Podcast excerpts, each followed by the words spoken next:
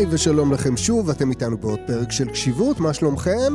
לי קוראים רז חסון, ואיתי נמצאת כאן כרגיל סמדר יהודה גזית, פסיכולוגית קלינית המשלבת מיינדפולנס במרחב הטיפולי. היי סמדר. אהלן, זה, השם, זה השם הכי ארוך שיש לי בחיים, איך שאתה קורא לי פה. תראי, אני יכול להאשים רק אותך. כן, טוב, בסדר. הראשונה... אני דווקא מצליחה אני... להאשים גם אותך, שתדע. ברור, אבל זה טבעם של פסיכולוגים, לדעת איך להאשים אותך בלי שזה... דיוק. אבל בסדר, אין מה לעשות. אנחנו נחיה עם זה בשלום. Uh, טוב, אז uh, אנחנו עצרנו uh, ממש uh, בתום uh, סיכום הכנף הראשונה, שהיא הלוא היא uh, כנף החוכמה, מה שמשאיר לנו רק עוד כנף אחת, שהיא כנף החמלה. חמלה. שחמלה כאמור, אין מיינדפולנס ללא חמלה, נכון? נכון, נכון. איזה יופי שאתה זוכר את הדבר החשוב הזה. אני תמיד מזקק את הדברים החשובים מכל פרק. אני אפילו אחדד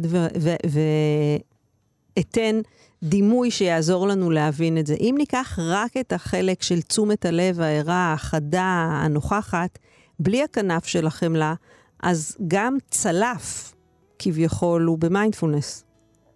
נכון? אבל צריך פה כן לזקק את, uh, את כוונת הלב ואת העיניים שבהן אנחנו מביטים על הדברים, וכנף החמלה עוסקת בדיוק בזה, במה שנקרא איכויות הלב, או בטיב המבט uh, שבעיניים, וחשוב מאוד מאוד שנדבר על זה. כש...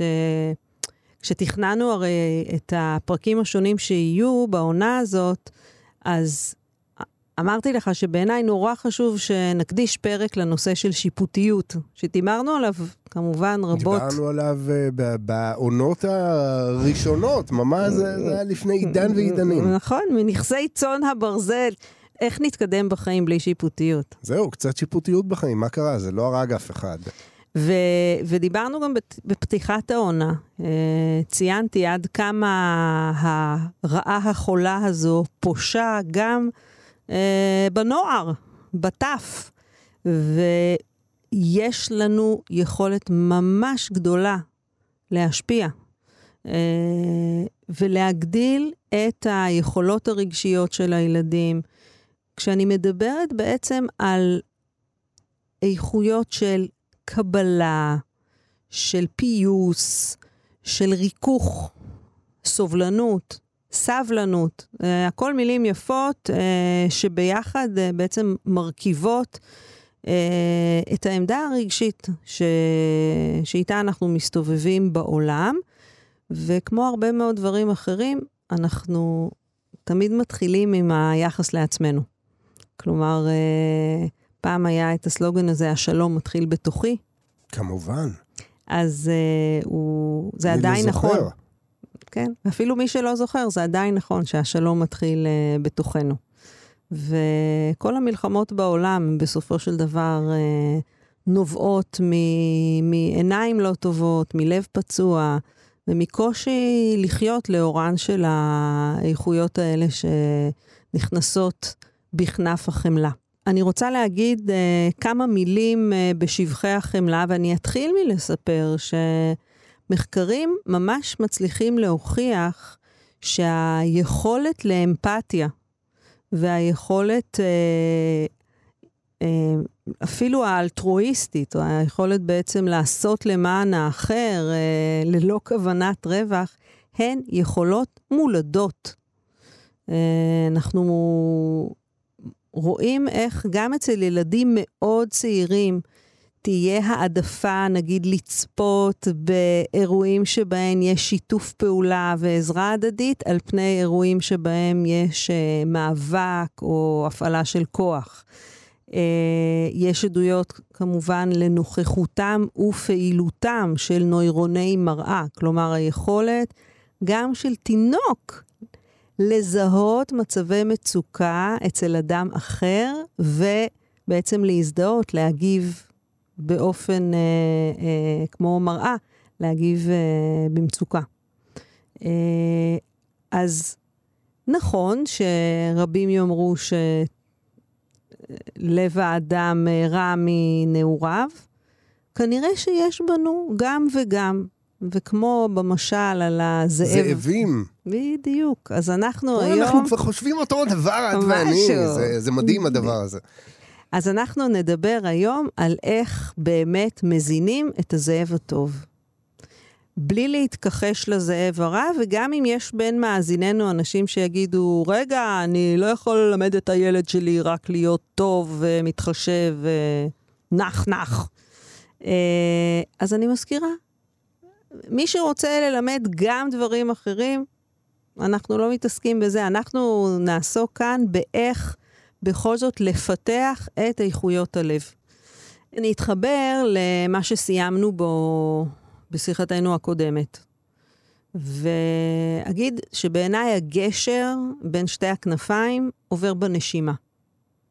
כלומר, היכולת להיות עם הנשימה היא עוגן גם לבסיס המטה-קוגניטיבי, היכולת לראות ולצפות על מה שקורה מתוך הנשימה, אבל הנשימה, יש איכות מרככת ויש לה איכות של הרפייה, שבדיוק אותה אנחנו רוצים בעצם אה, אה, לשפוך אל תוך המרחב הרגשי. ולכן חיבור לנשימה הוא דבר מבורך עם ילדים. בכלל, ללמד אותם לשים לב לנשימה, להבחין בהשפעה של איזושהי נשימה ככה יותר עמוקה, אה, ולהכניס את האיכות הזאת בתוך היום. נכון, זה מאתגר, כי זה הפך קצת להיות מטבע עובר לסוחר. תנשום עמוק, בואו נעשה נשימה עמוקה. איך אה, לש, לשמר בכל זאת את הנשימה, לא רק אה, דבר שחוק כזה, אלא לייצר משמעות עבור הילדים שלנו, אה, בדרך כלל זה קשור לאופן שאנחנו מתייחסים לזה ולתרגול יומיומי פשוט שנוכל לעשות, אה, לעשות עם הילדים. אה, כסוג של דמיון מודרך, טוב לעזור למצוא חוויה של מקום בטוח. זה יכול להיות בתוך הנשימה, לפעמים אנחנו יכולים לדמות כמו ביצה כזאת שמקיפה את כל הגוף, ושאנחנו כמו ארסל ביצה כזה, שאנחנו יכולים להיכנס לתוכו ולהרגיש בתוכו מוגנים. שאנחנו בתאילנד. בקיצור, אפשר להגיד פשוט. אתה יודע, כל אחד עם האסוציאציות שלו. אבל uh, לייצר קשר אל המקום הזה, הפנימי הבטוח, וכמו בכל דבר, אם uh, ניטיב להכין את המצנח לפני שנהיה על המטוס, אז הוא ממש יעמוד uh, לרשותנו היטב כש, כשאנחנו צריכים לקפוץ מהמטוס. אז ודאי שרגע של חרדה קיצונית הוא לא רגע שבו ילד יוכל למצוא את המקום הבטוח. זה צריך להיות uh, בזמן אחר, שהוא רגוע, שהוא יכול uh, להתוודע אל חוויה נעימה שלו עם עצמו בתוך גופו. עוד היבט סופר חשוב הוא ההיבט של ההוקרת תודה. אה, אנחנו יודעים שבלי לאמן את השריר הזה, אנחנו נוטים לעיוורון. כלומר, מי מהילדים שלנו היום באמת מעריך את העובדה שיש מים זורמים בברז, השירותים מחוברים לביוב, יש מזגן, יש אוכל במקרר, יש הרבה בגדים לבחור מהם. יש אבא שלקח אותו עכשיו לחוג, אחרי שהוא קם בחמש ורבע בבוקר נניח, והגיע ולקח אותו אחר כך לעוד פעילות. מי מעריך? נכון. עכשיו, אה, הרבה מאיתנו מכירים את הטייק הפולני. אתה לא מעריך את מה ש... בדיוק. מה, מה זאת אומרת? לא על זה אני מדברת. זה אוטומט, זה אוטומט. איך אתה לא מעריך את כל מה שעושים בשבילך? תגיד לי. אז איך מעבירים את זה בלי הטוויסט? של האשמה. בלי הקטע הזה, בלי הקטע של עכשיו תרגיש אשם, ממש. שעושים לך רק טוב ואתה מתנהג כמו ילד מבאס. אה, זאת עבודה סופר חשובה. אשמה היא רעל נוראי, היא רעל נוראי, שההשפעות שלו ניכרות גם עשורים אחרי... אה, שאנחנו נחשפים אליו. כן, זה דווקא נראה כאילו האשמה עוברת לידם, אז כאילו הם הם לא מרגישים אשמים אף פעם. אה, אז בוא אני אגיד לך בתור מי שיושבת אה, איפשהו בהמשך הדרך, יושבת בקליניקה ומשוחחת עם כל, כל אלה ה... שנראה שלא הזיז להם. הזיז, הזיז. הזיז. עדיין מזיז, וכנראה כן, וגם אתה יודע, שעוד יזיז. גם, גם uh, תמיד יש לנו את האפשרות להיות אלה שקוטעים את השרשרת של האשמה. Uh, אני חושבת שללמד את הילדים להוקיר את הטוב, אפשר באמת בנתיב ללא אשמה. גם בלי הרגשי הזה. ממש.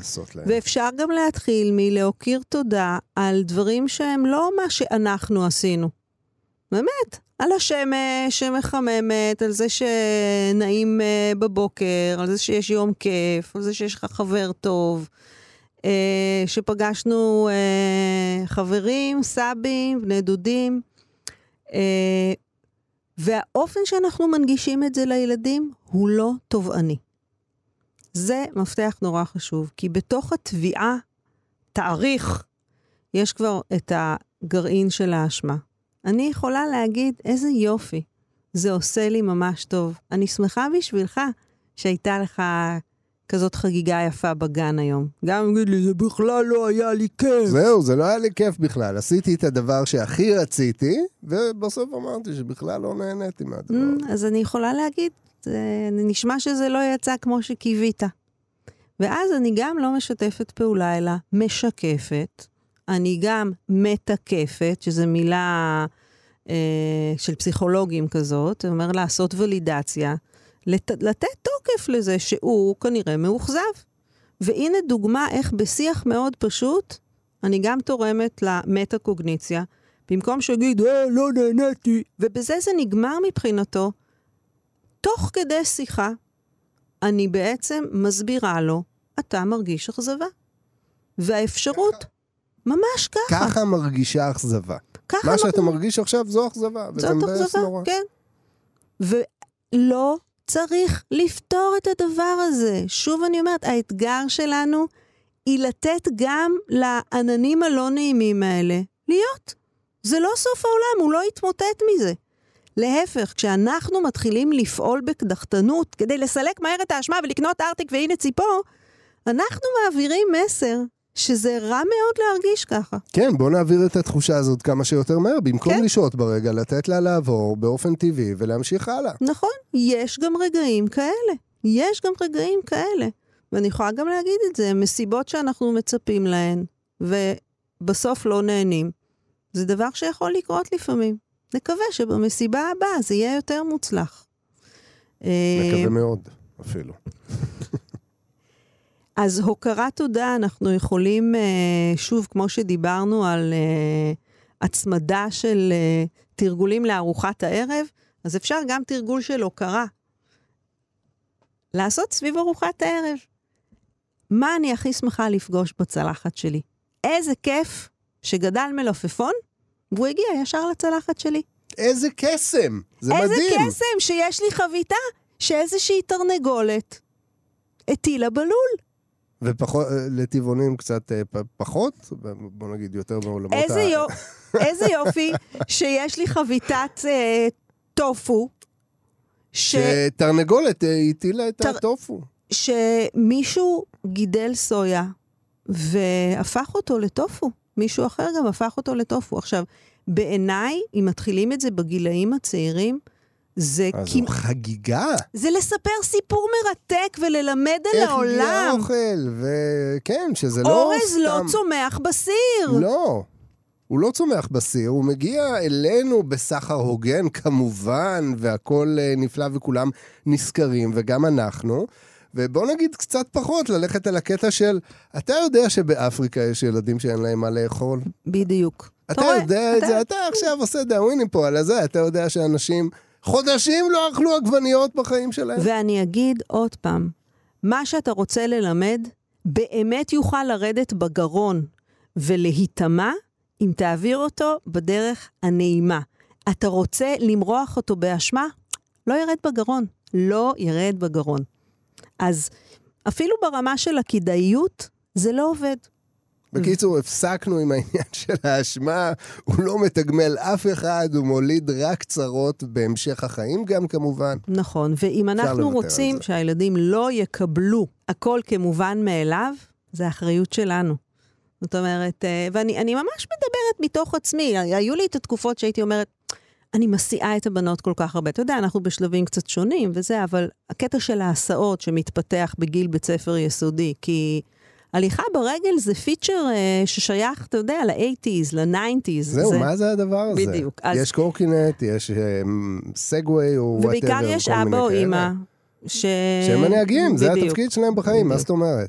אז מצד אחד אני נורא רוצה להיות אימא טובה כזאת, שמתגייסת, ומסיעה להסתיע, וזה, ושלא יהיה חם בקיץ, ושלא יהיה גשום ברחוב.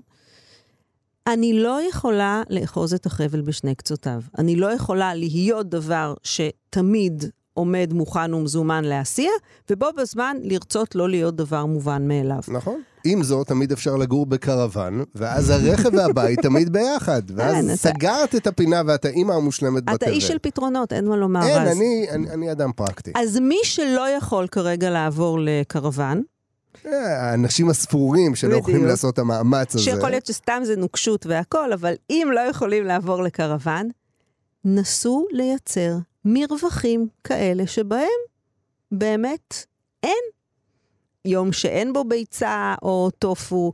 מה קורה כשאין מלפפון?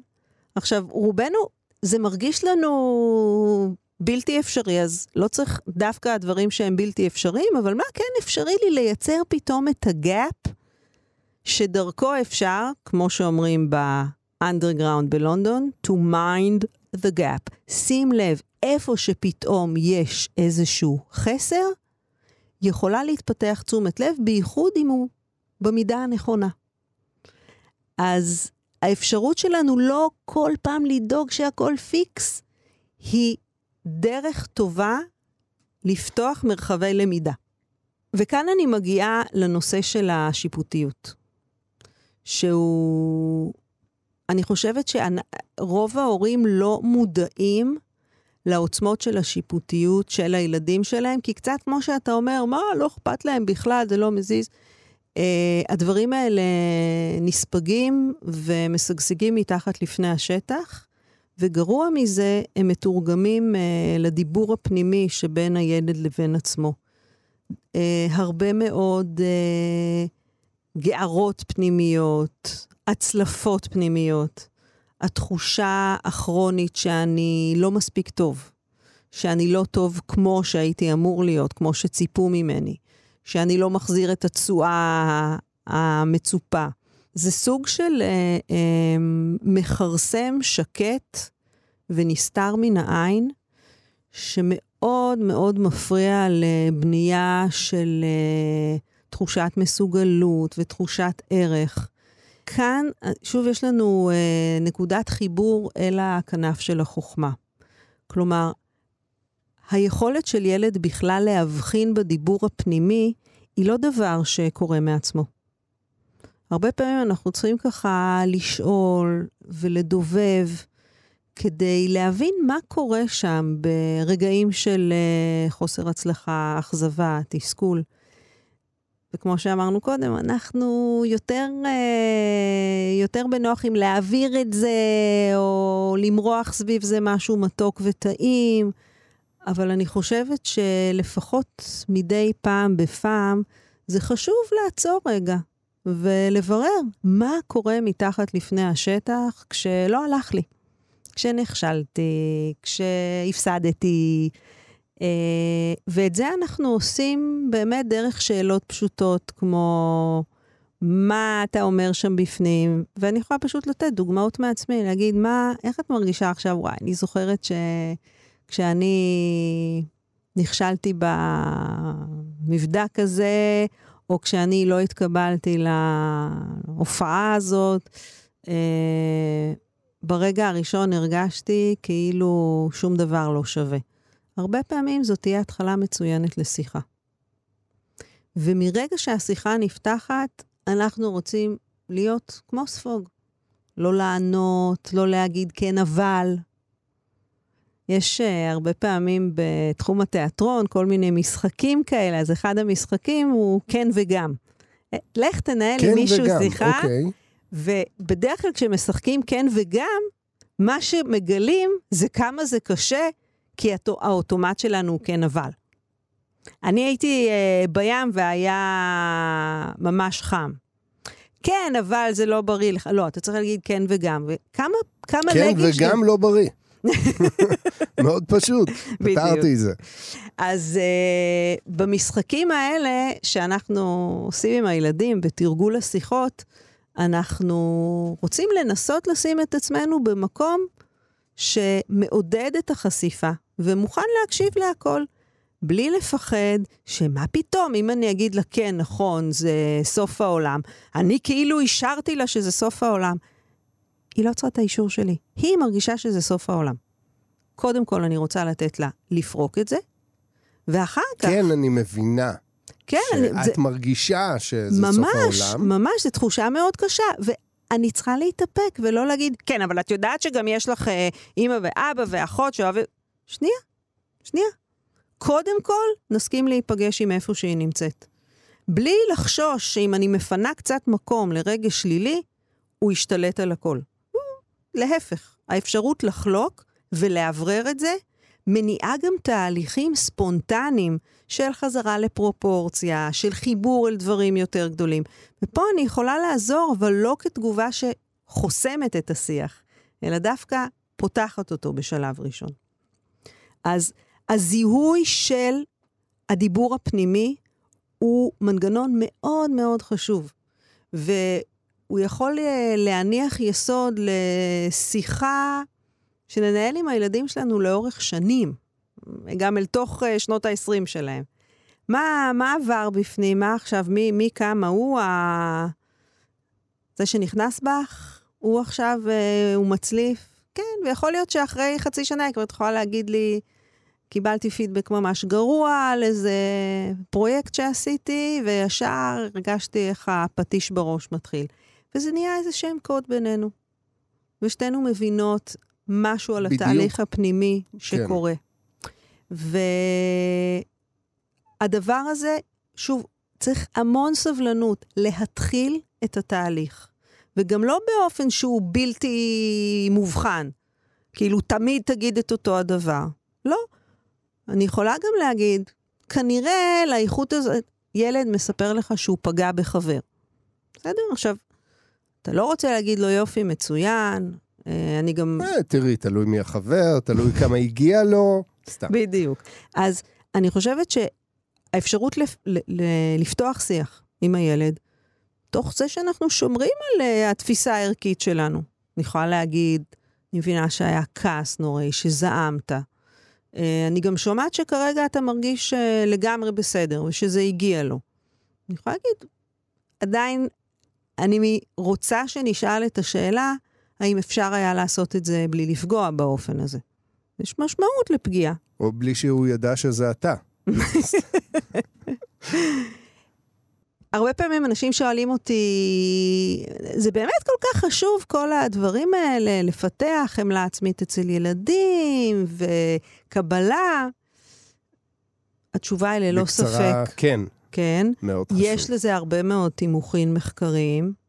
לא במחיר של חוסר גבולות. להפך, אני חושבת שזה עוזר לבנות גבולות בטוחים, פנימיים, גם בגלל שאני מכירה את עצמי יותר טוב, אפרופו כנף החוכמה. מבינה איך אני עובדת, מבינה מתי אני מועדת לאובדן של שליטה, על איזה דחף, מתי אני מועדת להיעלב. ועצם הידיעה הזאת היא כשלעצמה מנגנון ויסות מצוין. אם לזה אני יכולה להוסיף גם דיבור פנימי מיטיב, זיהוי של החולשות שלי ומתן מקום.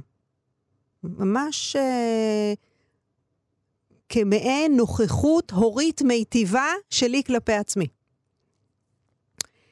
למה זה עוזר? ממש לפי המחקרים, אנחנו רואים שזה משפר את הערכה העצמית. אנחנו רואים uh, שזה מגדיל גמישות פסיכולוגית. שיפוטיות מאוד תורמת לנוקשות. לעומת זאת, עמדה פנימית רכה, מה שאני קוראת uh, uh, לב פתוח או עיניים רכות, הם עוזרים לסתגלנות ולגמישות של הילד. היום, אולי לפני 30 שנה היה צריך אה, להגן על עמדה כזאת שאומרת שגמישות וסתגלנות זה נורא נורא חשוב, כי העולם משתנה, מה שחשבו עולם משתנה לפני 30 שנה. היום זה העולם הכי תקוע מבחינת המקצבים ש, ששינוי קורה בהם היום. היכולת להתמודד עם מצבי כישלון. אנחנו חיים היום בעולם הזה של הרשתות החברתיות, או ששמים בחוץ רק את ההצלחות, או שמייצרים גם מהכישלונות איזה מין משהו מזהיר.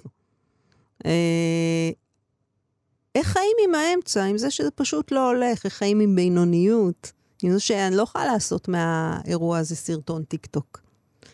אה, לא כל דבר כזה אפשר למנף, וזה בסדר. זה ממש בסדר, וזה לא רק בסדר, אלא שרוב החיים נמצאים באזורים האלה.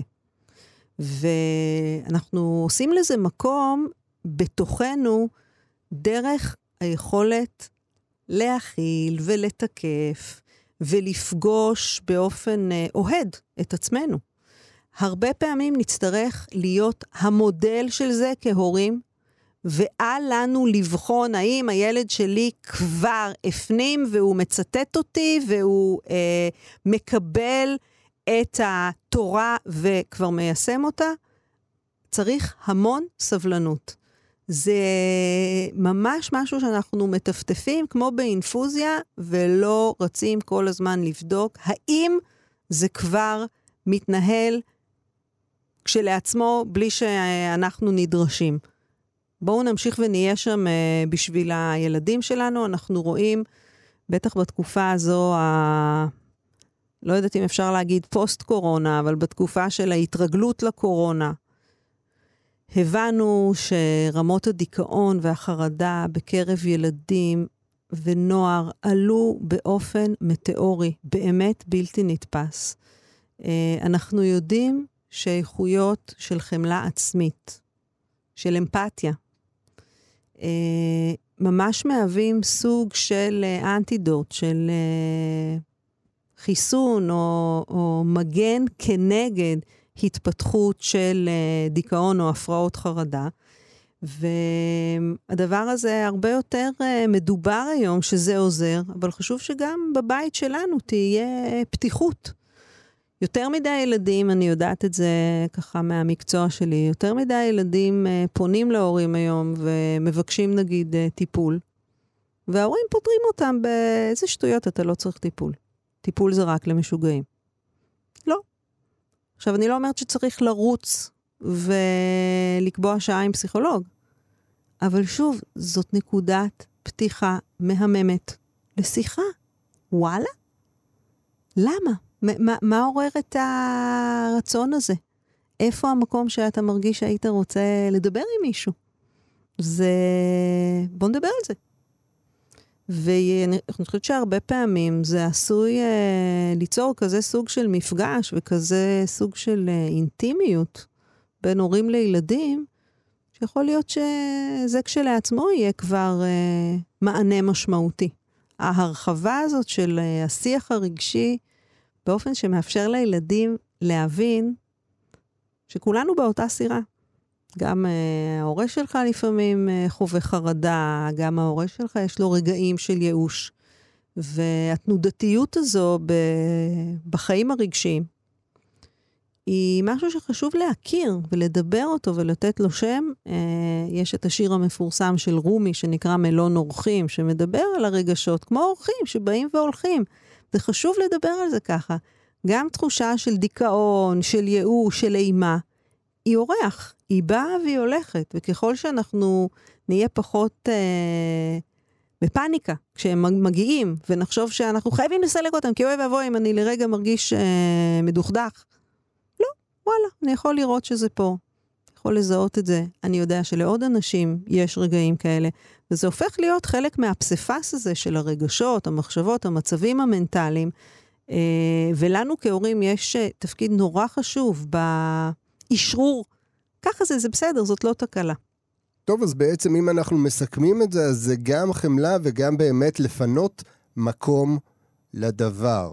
זאת אומרת, לא, לא, לא לזרז את הסתלקותו ולא להחיש אותה ולא לכסות אותה בדברים אחרים, פשוט להיות בתוכה ולנרמל אותה ולהגיד, זה בסדר לגמרי. אמ, אני לגמרי מבין את מה שאת או אתה מרגישים, ו- ו- וגם זה יעבור. Uh, כן, אפילו הייתי מחכה קצת אם הגם זה יעבור. כי חשוב להתחיל בלתת לזה לא, כן, מקום. לא, כן, כזה יעבור, כלומר, בגישה הכללית, המשהו הלא מדובר. כלומר, לתת איזושהי תחושה שזה מה שקורה עכשיו, זה לא מה שיקרה אחר כך בהכרח. נכון, ו- וכשאני מדברת על uh, פתיחת המרחב, אז זה פתיחה של שיחה, זה אפשרות גם לבקר ב... מה שקראנו לו כנף החוכמה, איפה, איפה זה מרגיש, איך זה מרגיש, מה קודם לזה, מה בא אחרי זה. Uh, היכולת לעזור לילדים שלנו לזהות מה פותח להם את הלב, מה סוגר להם את הלב. שוב, הם רגילים הרבה פעמים לחיות, ופשוט זה קרה ופשוט זה קרה, בלי לשים לב. יכול להיות שיש מוזיקה מסוימת שהיא עושה לי ממש טוב, ואז אם אני אשמיע בבית את המוזיקה הזאת בבוקר, כל האווירה תשתנה. ואני יכולה לעשות את זה בלי uh, שהילד שלי יבין את החוכמה שמאחורי זה, אבל אני אוכל להפנות את תשומת הלב להשפעות שיש לגורמים שונים, ועד כמה מצב הרוח שלנו, ורמות המתח, וסוגי המחשבות, הם באמת דברים שאנחנו יכולים אה, לשנות, או לגוון, או לנוע ביניהם. תחילה נעשה את זה עבור הילדים, ובהדרגה הם אה, ילמדו לעשות את זה גם אה, עבור עצמם. איזה כיף. טוב, אז אנחנו עכשיו אה, ממש רגע לפני שניפרד. שלב התרגול האהוב. אכן, ונעשה גם הפעם תרגול שבעצם אה, מכוון גם להורים וגם לילדים.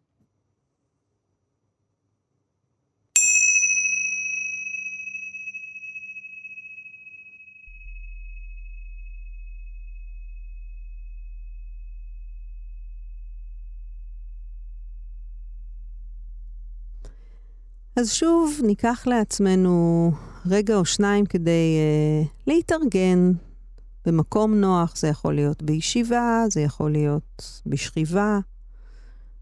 העיקר שנרגיש שיש לגוף תמיכה, יש לו על מה להישען. אנחנו יכולים להרפות אותו.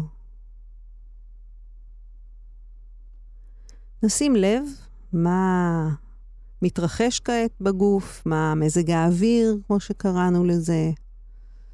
אם יש אזורים שהם אה, פחות רגועים, אם יש איזה מתח או כאב, או שסתם יש לי איזה אי שקט. אני רוצה פשוט לשים לב איך הרגליים שלי עכשיו, איך האזור המרכזי של הגוף, אם זה הבטן או הגב.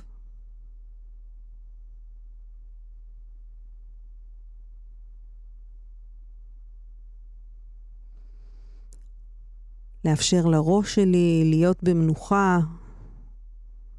ואני ממש רוצה להזכיר לתודעה, למוח, ללב, להזכיר להם שהם מקבלים עכשיו פסק זמן. יוצאים להפסקה. אולי ממש נצליח להניח בצד דברים שמטרידים, דברים שאנחנו מתכננים בראש, אירועים שקרו.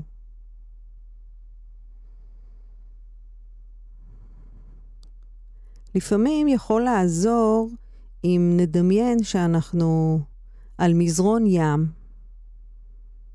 בים, ויש גלים עדינים ונעימים, בדיוק כמו הנשימה. ואז אנחנו יכולים לשבת או לשכב על מזרון הים ולעלות כשהגל עולה, שזה בעצם כשהאוויר נכנס בשאיפה, ולרדת כשהגל יורד, שזה בעצם כשהאוויר יוצא בנשיפה.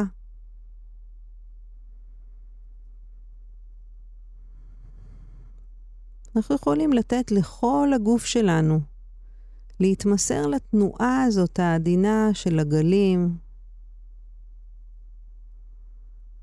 וכשהגוף מתמסר ונע עם הגלים האלה, אז גם לתודעה שלנו קל יותר להיות במנוחה.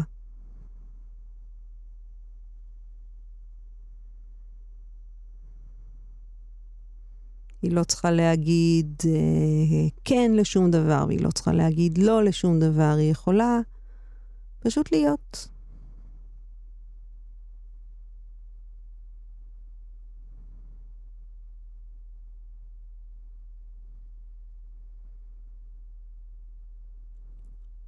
לפעמים זה מוזר לא לעשות שום דבר. ואם זה קורה לנו, פשוט נחזור אל הנשימה ונרגיש איך היא עולה ויורדת. מעצמה אנחנו לא צריכים אפילו להגיד לה. ואפילו נוכל להגיד לעצמנו, הנה שאיפה, הנה נשיפה. זה יכול לעזור כדי להמשיך ולצוף על הגלים האלה.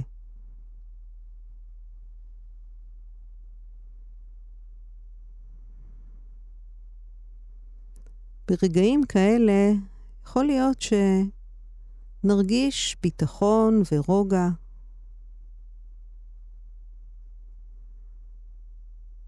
רגעים שיכולים להפוך להיות כמו ספינת מבטחים שלנו.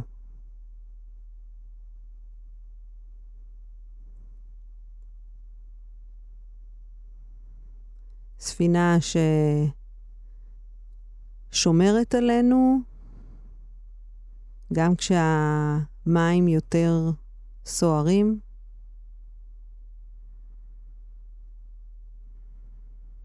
מקום שאנחנו מרגישים בו בטוחים.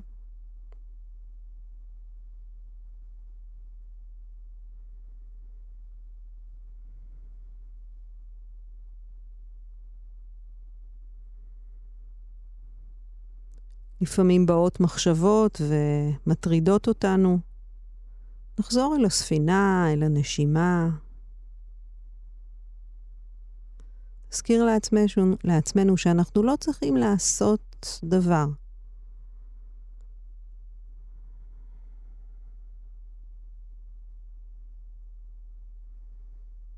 נחוש את הגלים,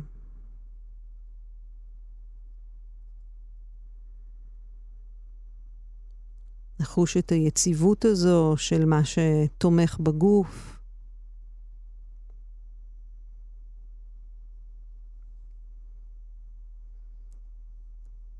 אולי גם נזהה את הדיבור הפנימי, מה אני אומרת לעצמי, מה אני אומר לעצמי.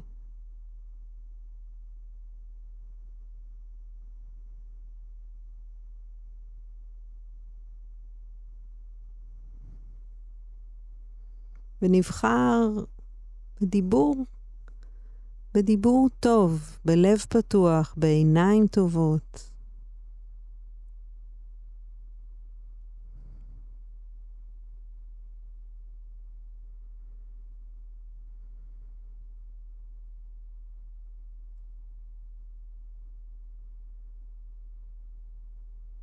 לפעמים אנחנו יכולים אפילו להיעזר במשפט או שניים שמזכירים לנו את הדיבור המיטיב הזה.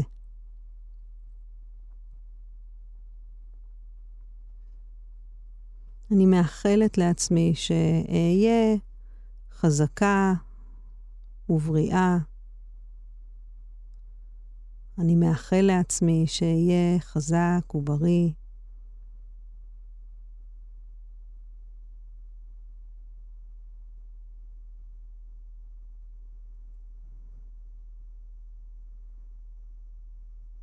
בתרגול הזה אני עוזרת לעצמי לקבל ולאהוב אותי כפי שאני.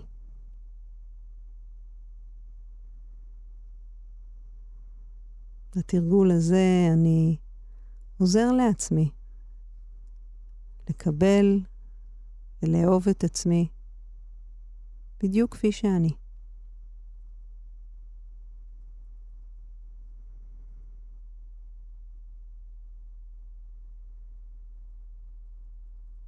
נאפשר לעצמנו עוד כמה נשימות עמוקות.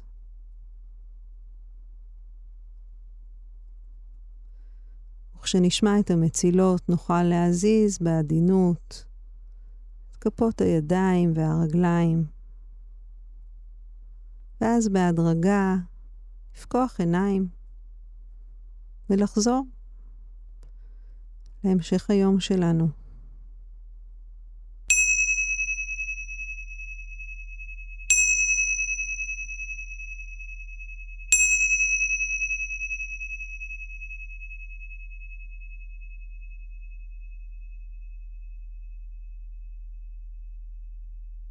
טוב, המון חמלה הייתה בפרק הזה. סמדר יהודה גזית, תודה רבה לך. תודה רבה לך, רז. פסיכולוגית קלינית. כל הדבר המש... הזה. פסיכולוגית קלינית המשלבת מיינדפולנס במרחב הטיפולי, כן, שאני לא... אני לא אשכח, לא שכחתי.